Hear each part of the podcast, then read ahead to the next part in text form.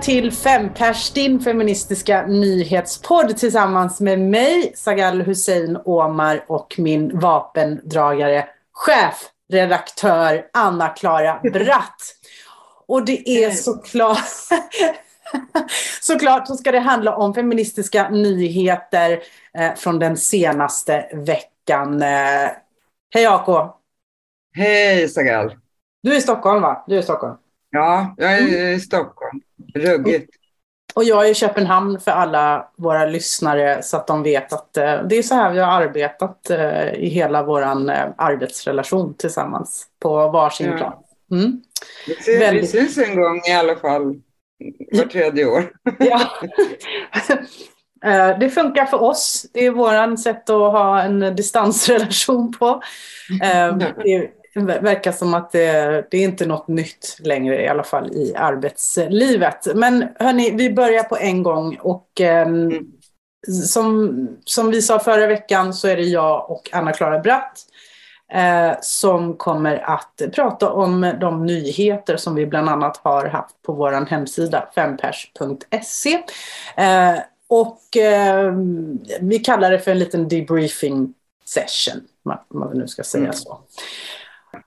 Denna veckan så börjar vi med en eh, huvudnyhet som vår egna Kristin Sandberg, redaktionschef på Fempers, har skrivit och som har den väldigt mörka rubriken kanske. Mäns våld mot kvinnor ökar. Och det är då en eh, studie som heter Kvinnors trygghet, ett jämställt samhälle fyllt av våld som eh, sammanfattar mäns våld mot kvinnor i Sverige de senaste 20 åren och den är då gjord av eh, Riksorganisationen för kvinnojourer och tjejjourer i Sverige, ROX, tillsammans med Örebro universitet. Och ehm, ja, AK, du har ju också läst den. Det här är ju inte liksom den mest chockerande nyhet på det viset, men det, det tog på mig ändå när jag läste den måste jag säga. Eh, vi kan ju gå igenom lite eh, ungefär vad artikeln handlar om som du hittar på fempers.se. Men vad var din första reaktion när du läste den? Ja, alltså det som är så speciellt med den här studien det är att det är en uppföljning av en mycket välkänd men också omtalad och omdiskuterad studie, Slagen dam, som kom för 20 år sedan där Eva Lundgren, men också Jenny Westerstrand som eh, är ju på ROX nu och har varit inblandad i den här studien, var med. Och det som var så intressant, det var ju den första studien i sitt slag. Det var, tycker jag, hur den landade, hur um, ryggmärgsreflexerna på stora redaktioner i Sverige då, mm. själv var jag på Arbetaren, det var att hur har de ställt de här frågorna? Skulle hälften av Sveriges befolkning eh, utsatts för eh, våld av en man efter sin 15-årsdag. Som 55 procent är det nu i den här nya studien då. Men, men då var det ingen som trodde på det här. De ifrågasatte metoden, de ifrågasatte behovet av studien, sättet på vilket frågor ställdes. Det blev bara en diskussion om studien i sig själv, inte en diskussion om det anmärkningsvärda resultatet. Mm. Och sen dess har vi passerat metoo. Och inte bara det, utan eh, alla regeringar skulle jag nästan säga sen dess har skjutit till medel till jourerna. Och eh, vi har ju pratat väldigt mycket om att vi måste komma till rätta med mäns våld mot kvinnor.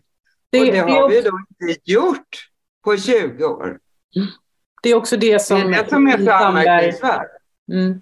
Det är också det som eh, står i artikeln av Kristin Sandberg som har intervjuat Jenny Westerstrand, ordförande för ROX.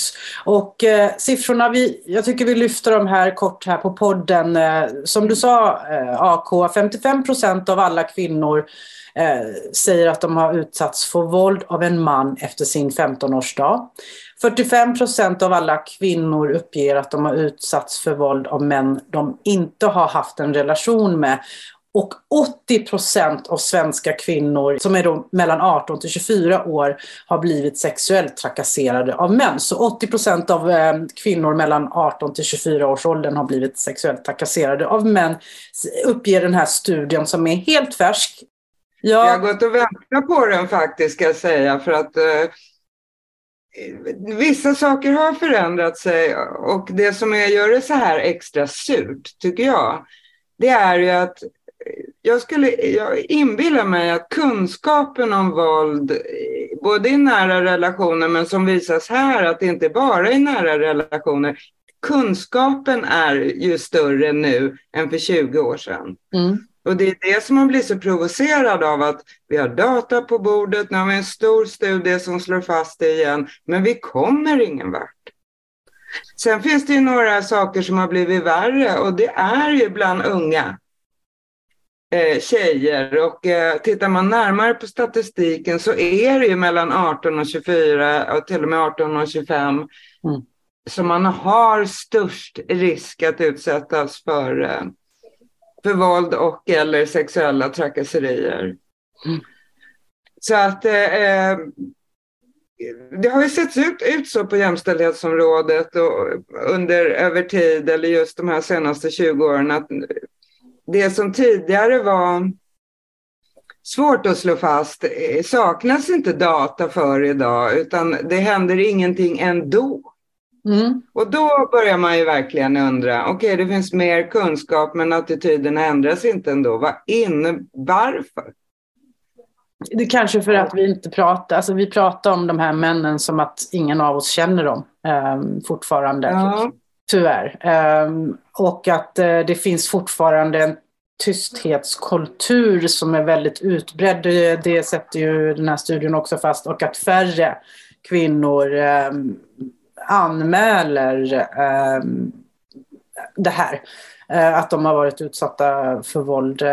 och ja, alltså jag, jag vet inte AK, jag måste säga att just det där du sa med att unga tjejer är är eh, i större liksom, risk. Och det, jag tänker framförallt på sociala medier. Eh, och jag vet att vi, vi säger det här i redaktionen hela tiden och jag tänker på det ganska ofta. Eh, men där tror jag att det finns en enorm sårbarhet för att alla de här grejerna som vi inte har tagit fasta vi inte har åtgärd, inte har kommit eh, till botten med, de förflyttas över till sociala medier och med den anonymitet som finns i metaversen tror jag också att eh, det våldet kan till och med bli grövre på många andra sätt. Um, ja, så att jag... det, blir, det, det frodas. Uh, det finns ju en väldig trend som du bland annat har skrivit om, men som är liksom cementerade könsroller. Att det, att det är inne nu.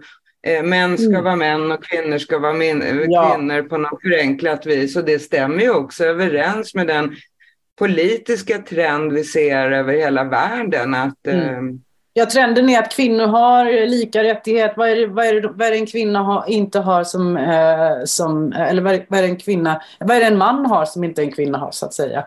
Och jag brukar gå in på de här sociala medierna och eh, lyssna och, och, och, läsa kommentarer och följa trender och kolla efter olika Youtube-videos vad det är för grupper grupper som samlas kring den här liksom, eh, eh, elden. Och eh, jag vill gärna påstå att det finns en hel, en ganska stark trend bland unga killar där ute att de ska, de, de, de på något vis kan känna sig så misslyckade att de ska då erövra och ta tillbaka det de har förlorat de senaste 50 åren. Vi kan väl sätta punkt. Vi kan prata om det här hur mycket som helst, men... Det var bara en sak som jag tyckte var intressant till att notera. Där jag ändå tycker att frågan växer. Eh, och det är ju precis som det saknas boende för kvinnor som har varit på kvinnojour när de ska så att säga börja sitt nya liv. Det finns ingenstans att ta vägen.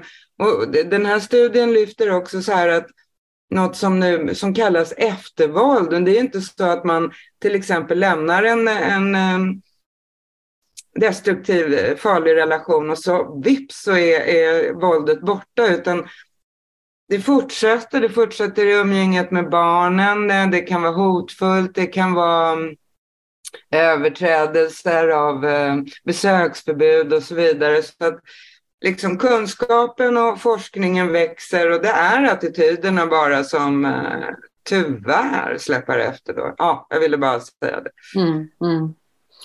Mycket mer på hemsidan som sagt. Och vi följer eh, det här spåret. Förra veckan, AK, så pratade vi om den nyheten att Göteborg, Göteborgs kommun eh, slopar avgiften, eh, egenavgiften för kvinnor som eh, behöver komma undan och, och behöver skyddat boende.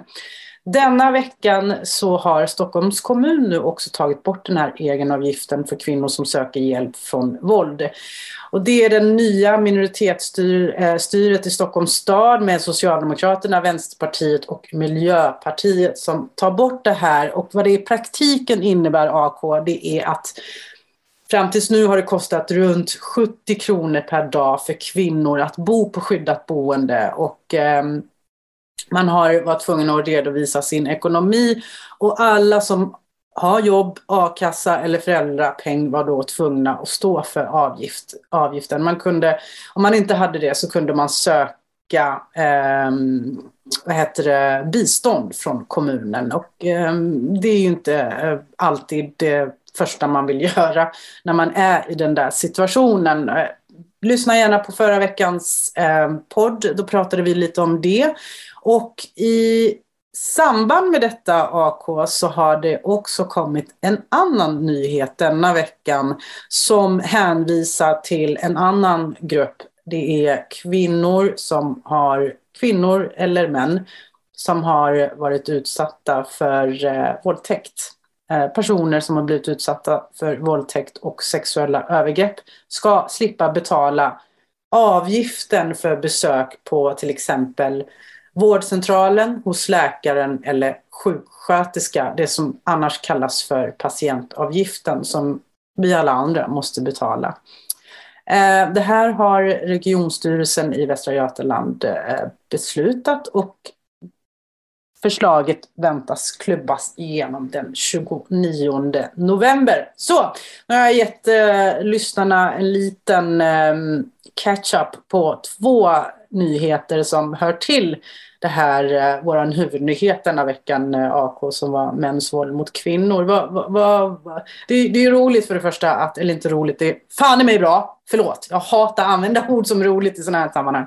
Men det är fan i mig bra att eh, precis som Göteborg tar Stockholm steget med egenavgift i, för skyddat boende. Men det här med patientavgiften, det är också en ganska eh, gull, gull guldnyhet denna veckan. Vad tänkte du där, AK? Ja, men jag tänker att det på riktigt kan göra skillnad eftersom vi vet att det är unga tjejer främst som riskerar att utsättas för våldtäkt, pratar vi om här. Eh, så vet vi också att eh, de har ont om pengar och att de har ju redan svårt att ta sig till vården, till polisen, anmäla våldtäkt. Vi vet alla vilka motstånd man ställs inför, oro för att inte bli tagen på allvar och allt det här. För att inte tala om oro för kommande eventuella rättegångar och prövningar och svåra frågor och sådär. Så jag tror att det här kan göra skillnad på riktigt. Dels att samhället talar om att vi prioriterar det här, vi tar emot dig vem du än är och när du än kommer. Och eh, att framför allt då att det inte ska vara en, en besöksavgift, patientavgift som liksom stoppar det här. Mm. Så att två, två bra effekter hoppas jag att det kan bli av det. Dels att det är en signal från samhället, dels att eh, fler faktiskt går direkt till vården när de har varit utsatta för en våldtäkt. För att de eh, bevisen då det handlar om måste ju säkras snabbt. Det tror jag många vet, men det är först när man står i den där situationen som man liksom ställs inför de där besluten på riktigt. Så att, och det är ju eh, kanske signifikativt att det är rödgröna styren i både Göteborg, Stockholm och Malmö där det här också diskuteras. Mm. Mm. Så att ja, vi, vi noterar att vi hade en bra nyhet även den här veckan. Då. Mm. Och jag vill också säga att eh, det här första besöket som eh, i Göteborg i alla fall, som man gör med polisen, den har inte kostat. Vad som annars har kostat är uppföljningar som man gör tillsammans med sjuksköterskor och, och kuratorer eller eftervård helt enkelt. Det kostar ju och eh, det ska det inte behöva göra för den här patientgruppen enligt eh, styret då. Och eh, det vill också sägas att sexuella övergrepp har ofta en stor inverkan på den som drabbas både fysiskt och psykiskt. Alltså, och forskning visar att det inte bara är en omedelbar, det är inte bara de omedelbara effekterna av sexuella övergrepp som påverkar individen utan de här övergreppen kan även leda till sjukdomar senare i livet. Jag ska bara säga det att jag tycker faktiskt att just Fi tog ju fram ett omfattande program inför valet som vi skrev om. Många punkter var det, men för mig var det en ögonöppnare. Just detta att de pratar om före våldet, under våldet och efter våldet. Mm. Äsch, nu ringer det här. eh, eh, jo, men att, att väldigt många tänker sig att, att det är ett enskilt tillfälle. Eh, och så kan det ju vara. Rapporten som vi talade om tidigare visar ju att, att det, våldet finns i den egna relationen men också utanför. Hos de unga så finns, kan våld och våldtäkt dyka upp lite överallt. Mm. Eh, men att man tittar på, på, på både mäns våld mot kvinnor och eh, sexuellt våld mot kvinnor, att man tittar på det med ett helhetsperspektiv. Och det är just det här att titta på det både innan, under och efter. Vad händer sen? Det är väl, uppfattar jag ändå det, det liksom nya som pratas om nu, att det här är inget som försvinner efter ett läkarbesök eller, Precis. eller ens om du har eh, lyckats ta in på en jour. Mm. Så ska och att tröskeln måste, måste ner hela vägen ner för att den här gruppen ska känna sig trygga och komma fram och, och, få den vård de förtjänar. Jag vill bara säga det här, Göteborg mm. går samma väg som Region Skånes hälso och sjukvårdsnämnd där, en, där patientavgifterna för vård och spårsäkring för personer som utsätts för sexuella övergrepp eh, troligtvis försvinner från och med 1 januari 2023. Detta då efter ett medborgarförslag från en sjuksköterska på gynakuten i Lund. Västerbotten mm. förväntas gå i samma riktning som Göteborg. Det här rapporterade SVT. Och på Södersjukhusets akutmottagning för våldtagna i Stockholm är patientavgiften borttagen sedan länge. Nu AK så ska det handla om ehm, en bok som många har väntat på. Ja, jag ska berätta om Adam Angas och eh, Mattias Gardells nya bok som heter Att mäta rasism. Den lanserades idag på mänskliga rättighetsdagarna, heter det, som äger rum i Örebro, har gjort och gör i helgen. Och det här är det är en efterlängtad rapport och eh, i bästa fall så bilägger den en ganska lång och snårig diskussion om hur man ska mäta rasism utan att återskapa rasistiska stereotyper.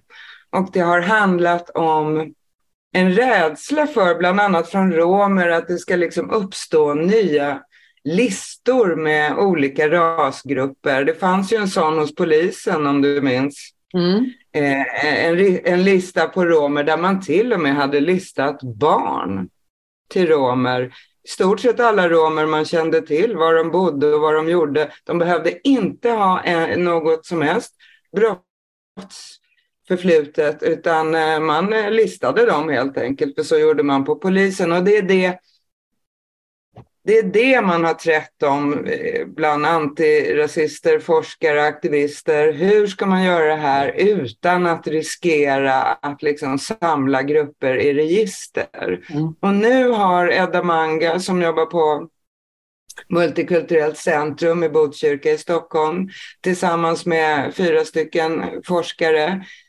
efter mycket om och men kommit på en metod när man istället för eh, egenintervjuer där, där man själv får fylla i då härkomst, religion och så vidare som var på förslag, så har de istället vänt upp och ner på hela pyramiden och söker istället eh, en liten modell som de har kallat Ballingsholmsmodellen. Så istället för att eh, lista individer och deras eh, villkor mm.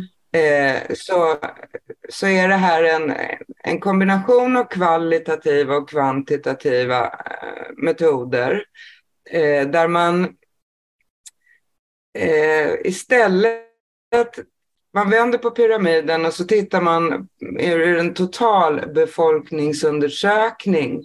Tittar man på hur människor grupperar sig beroende på livsvillkor, eh, faktorer som utbildningsgrad, tillgång till arbete, kapital, bostad och så vidare. Mm. Och när man får alla de, data, alla de data, då kan man använda rasism som ett analysbegrepp och då utkristalliserar sig rasismen så som den ser ut på en strukturell nivå. Och eh, behovet har ju varit densamma som all data man har samlat in runt kön. Mm. Det vill säga, hur ser det ut vad det gäller just ekonomi och, och tillgång till arbete och bostäder och så vidare. Vi har ju enormt mycket data på kön i Sverige. Däremot så har vi ingen tradition att eh, kartlägga folk utifrån religion eller politik eller, eller så.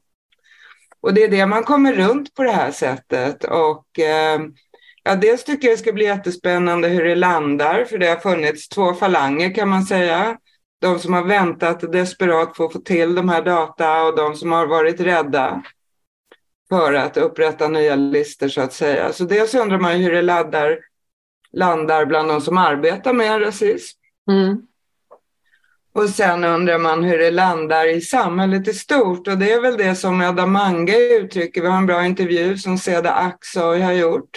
Och det hon är orolig för nu efter det här gedigna arbetet det är ju att intresset från samhället ska sjunka nu med den regering vi har och ja, inte minst det här nya tiddokumentet och, och, och sådär.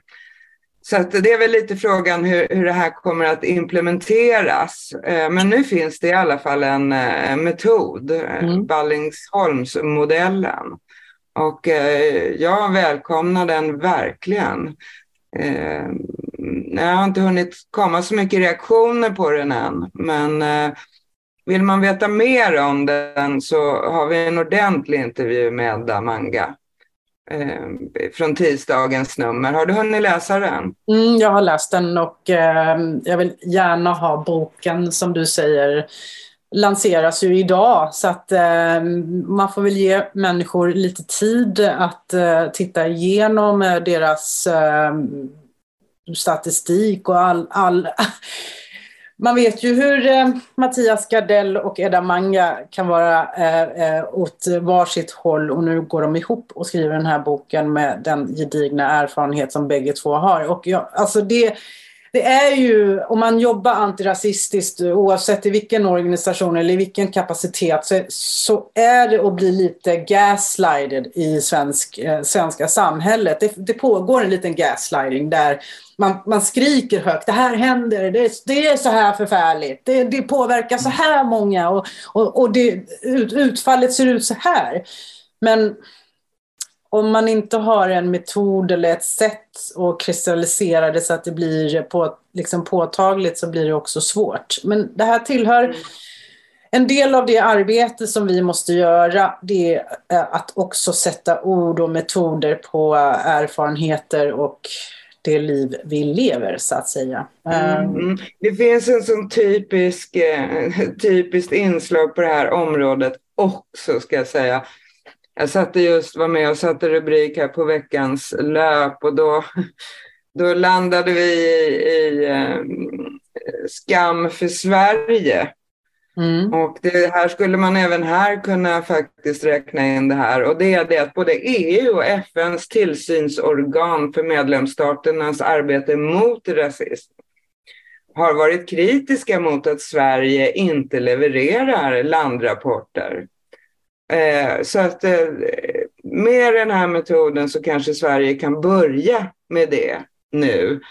Eh, vi, vi vill ju gärna påstå att vi har att vi har så gott rykte i Sverige och att vi ligger så långt före, men det stämmer långt ifrån alltid. Det stämmer inte när det gäller kön. Det har inte stämt vad det gäller eh, rasdiskriminering, varken på arbetsmarknaden eller generellt i samhället. Mm. Så att det, här kan, det här kan bli en, en, en ögonöppnare för ja, svensk självbild. Mm. Så det är vad jag hoppas här nu. Jag ser fram emot diskussionen och även eventuella invändningar, vilka det skulle vara. Och nu, AK, din kommentar i veckans tidning har ju fått eh, rubriken Handel och vandel med Putin. Kan du inte berätta lite? Ja, jag börjar bli en sån här ABF-gubbe, va? jag börjar dra ut de långa linjerna eh, som man gör när man är plus 55. Men eh, jag har skrivit om i veckan blev det plötsligt en stor sak att riksdagen skulle ta den här som den har kallats då spionerilagen. Och eh, den passerade ganska utan eh, några invändningar när, det, när den första gången togs. Eh, men det var ju innan då vi eh, hade, hade gjort en ansökan till NATO och så vidare. Nu, nu när det var dags på andra sidan valet att ha den här lagstiftningen, då vaknade svensk press till och blev lite generade. Det har till och med varit rubriker som att eh, svenska journalister, vi måste skämmas och sådär.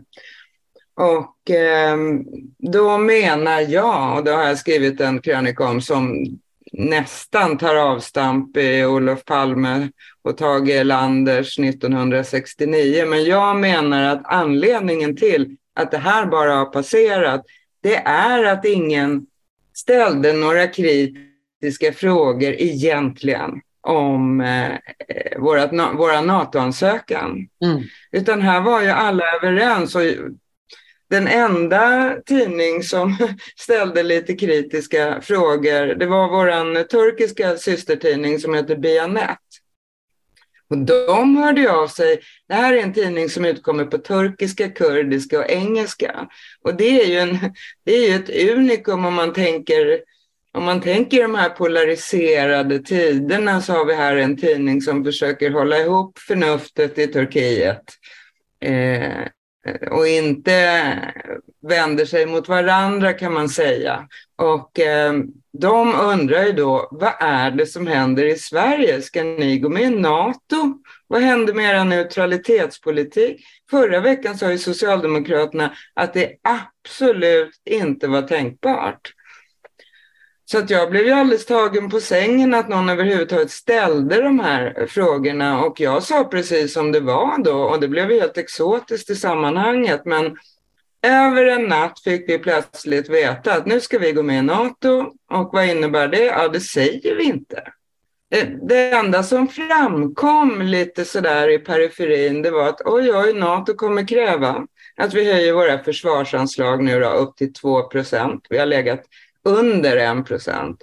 Och det är inte småpengar vi talar om, utan eh, sammantaget i budgeten var det ju 40 miljarder. Eh, Eh, och sen så sa ju Magdalena Andersson, eh, hon skakade hand med Ulf Kristersson och så sa de vi tycker inte att det här är en fråga för valet. Och vi var några stycken som anmärkte att det här är ju inte klokt och det var bland annat faktiskt i Sverige var det Vänsterpartiet, det var eh, Sveriges församlade kurder, det var fem pers och några till. Men på, på SVT så kunde man ju se hur NATO-flaggan eh, böljade i bakgrunden och Mats Knutsson han bytte till en knallblå kavaj. Och eh, det här går liksom ända tillbaks till andra världskriget menar jag och att en svensk tiger. Och det här handlar ju om eh, vad man kan kalla försvarshemligheter eller sådär. Eh, men att det ska gå ända in i medierna, det var ju väldigt anmärkningsvärt. Och det här var då innan den här spionerilagen, som nu antogs i onsdags, mm. eh, ens hade gått igenom. Så jag har skrivit en text faktiskt då som tangerar gränsen för vad man får kommer att få skriva i framtiden. Eh, och så menar jag då att eh, om man backar lite grann så, så ja, det är lite snårigt det här, men bland annat så var det många borgerliga politiker som var väldigt engagerade, Carl Bildt bland annat i, i när eh, i att Ryssland skulle integreras i Europa, bland annat då de här gasledningarna som vi har i hela Östersjön, att handel skulle vara det som, eh, ja, som fick med, som gjorde att Ryssland i framtiden inte skulle vara en, en, en säkerhetsrisk för halva Europa. Och då tycker jag att nu kan man kanske konstatera då att all, all den här handeln som har gått ut på att eh, Ryssland ganska ensidigt levererar gas och olja och, till Europa. Eh, det har ju liksom inte hjälpt tycker jag vi kan konstatera här nu och så menar jag också då att den här eh, spionerilagen som alla blev eh, så förvånade över eh, det är bara en del av många saker som kommer hända om och när Sverige går med i NATO. Och det jag befarar och grövsta, det är ju vad händer när man kör över en hel befolkning i en sån här stor fråga? Och så drar jag mig till minnes att det tog nästan 50 år innan Sverige la korten på bordet och forskningen kunde visa då exakt hur många miljoner tyskar som transporterades genom Sverige under andra världskriget. Och det är ju därifrån vi har den här, som jag ogillar, och det grövsta, en mm. svensk tiger. Och det är klart att eh, medierna reagerar på det här, eh, men samtidigt vill jag då påstå, det var precis det de gjorde. Vi vet inte vi är något i regeringen då. Vi vet ju inte vad var det som fick Socialdemokraterna att ändra sig över en natt. Det är ju möjligt, det kan ju vara vad som helst. Ja, jag bara spekulerar då i min text. De kanske har eh, missiler riktade mot våra kärnkraftverk, vad vet jag? Eh, men att köra över alla, hoppa över den demokratiska processen, hamna i den här snärjiga situationen vi nu är då med eh, eh, Turkiets Erdogan som eh, nu vill bestämma vem eh, som får sitta i svensk riksdag, vilka kurder som ska utvisas eller inte. Eh, den det kommer att få ha, det kommer att ha ett högt pris som också kommer att inverka menligt på den svenska självbilden och ytterst faktiskt eh, skapa nya luftslott och, och ja, nya tokiga idéer om vad Sverige är. Så att jag, ja, jag skrev lite för läggen, men jag kände också att just fem pers, fredsrörelsen, Vänsterpartiet, vi är några, tycker jag, som inte behöver skämmas. Men de flesta medier eh, ja, behöver vässa sig nu för att eh, kan inte bara sitta och titta på när Sverige går med i NATO. Det är inte klokt. Så att usch, säger jag. Vi får se om det blir som Anna-Klara Bratt säger här, chefredaktör på Fem pers. Sagal Hussein Omar heter jag och vi knyter säcken för denna veckan det gäller antalet koppar kaffe, det gäller antalet diskussioner. Och då blir det inget mer kaffe nu? nej, nu är det eftermiddag här i Köpenhamn. Fredag eftermiddag och eh, AK, tack för den här veckan. Tack. Ja, och till dig som lyssnar, du hittar oss som vanligt, som jag har sagt tio gånger här på den här podden bara, fempers.se och dela gärna detta avsnitt på ja, det plattform som du lyssnar från. Tack och hej!